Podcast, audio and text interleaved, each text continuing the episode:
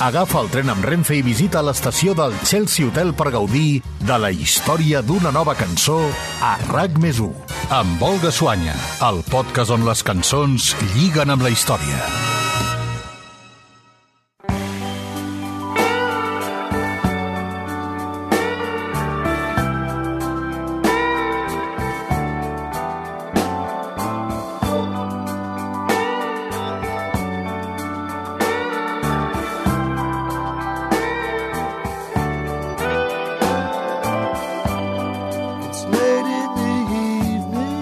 Wonderful Tonight té tots els elements que necessita una balada per triomfar.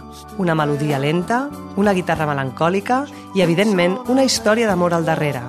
Una història protagonitzada per qui per a Eric Clapton va ser la dona de la seva vida, Patty Boyd.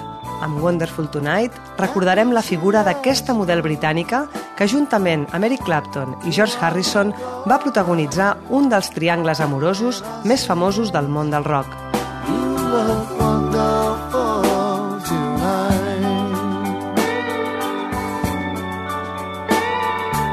Nascuda el 1944 en una petita localitat de Somerset, Patricia Ann Boyd va començar a fer de model de ben joveneta.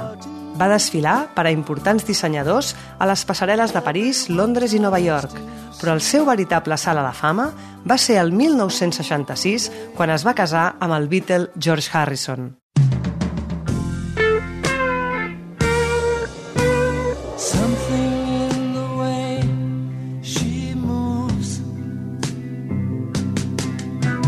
Boyd i Harrison es van conèixer durant el rodatge de la pel·lícula Hard Day's Night, on ella feia el paper d'una col·legiala que anava al mateix tren on viatjaven els Beatles. No van trigar a sortir junts i un parell d'anys més tard es casaven en una discreta cerimònia civil en què Paul McCartney va fer de padrí i a la qual, curiosament, no van assistir ni John Lennon ni Ringo Starr perquè estaven de vacances. A ulls de tothom, aquella parella jove, d'èxit i famosa, era la viva imatge del matrimoni perfecte.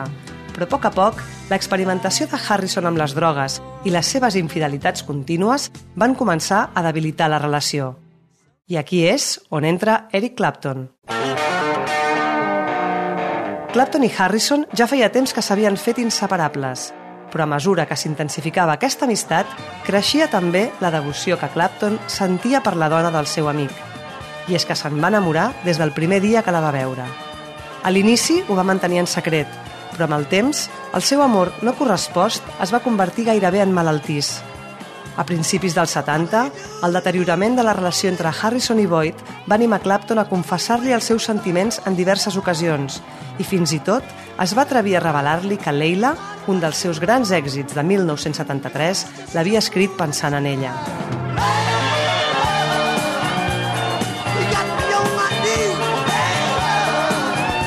Quan el matrimoni finalment es va separar, Boyd va cedir a les declaracions amoroses de Clapton i el 1979, després de gairebé 5 anys vivint plegats, s'hi va casar. Durant els 15 anys que van estar junts, la parella va viure una relació tormentosa per culpa de la dependència de l'alcohol que patia el guitarrista, però en els seus inicis van gaudir dels temps més dolços de la seva història i Wonderful Tonight és un dels testimonis més bonics que han quedat d'aquella època. Que Eric Clapton li va dedicar la cançó a Patty Boyd no és cap secret, però com es va inspirar per escriure-la? Doncs per recordar-ho, ens hem de traslladar al 7 de setembre de 1976, mentre la parella es preparava per anar a una festa organitzada per Paul McCartney en homenatge a Buddy Holly.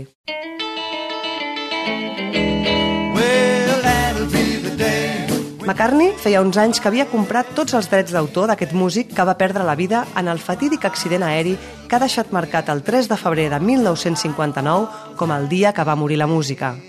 L'ex-Beatle n'era molt fan, així que no només va adquirir tot el seu llegat creatiu, sinó que va decidir homenatjar-lo creant la Buddy Holly Week, una setmana dedicada a recordar la figura del malaguanyat músic de Texas en el marc del que hauria estat el seu 40è aniversari.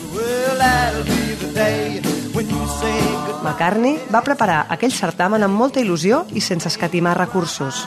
I per donar el tret de sortida al programa de commemoracions i concerts, va organitzar un dinar a l'hivernacle de Holland Park de Londres.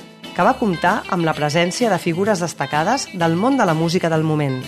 Entre els convidats, Elton John, membres de Queen, el líder de The Who, Roger Daltrey, el cantautor Stephen Bishop i, evidentment, Eric Clapton, que hi va assistir acompanyat de Patty Boyd.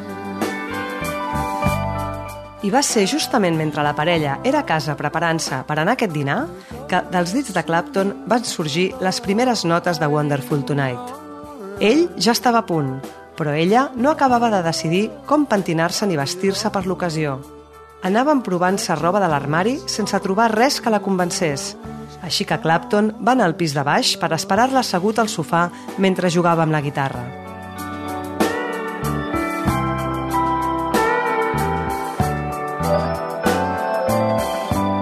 Quan finalment Boyd va estar llesta, va baixar les escales escopatejada pensant que Clapton la renyaria per haver trigat tant.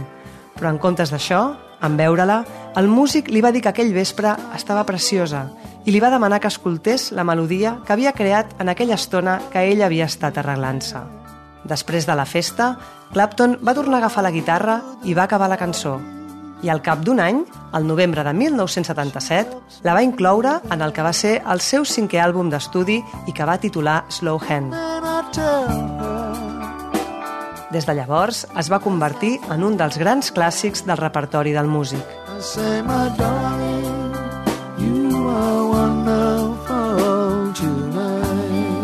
En el seu llibre de memòries, Patty Boyd explicaria anys més tard que Wonderful Tonight va ser el recordatori més commovedor de tot el que va ser bo en la seva relació amb Eric Clapton, però que quan les coses anaven malament, per a ella era una autèntica tortura escoltar-la.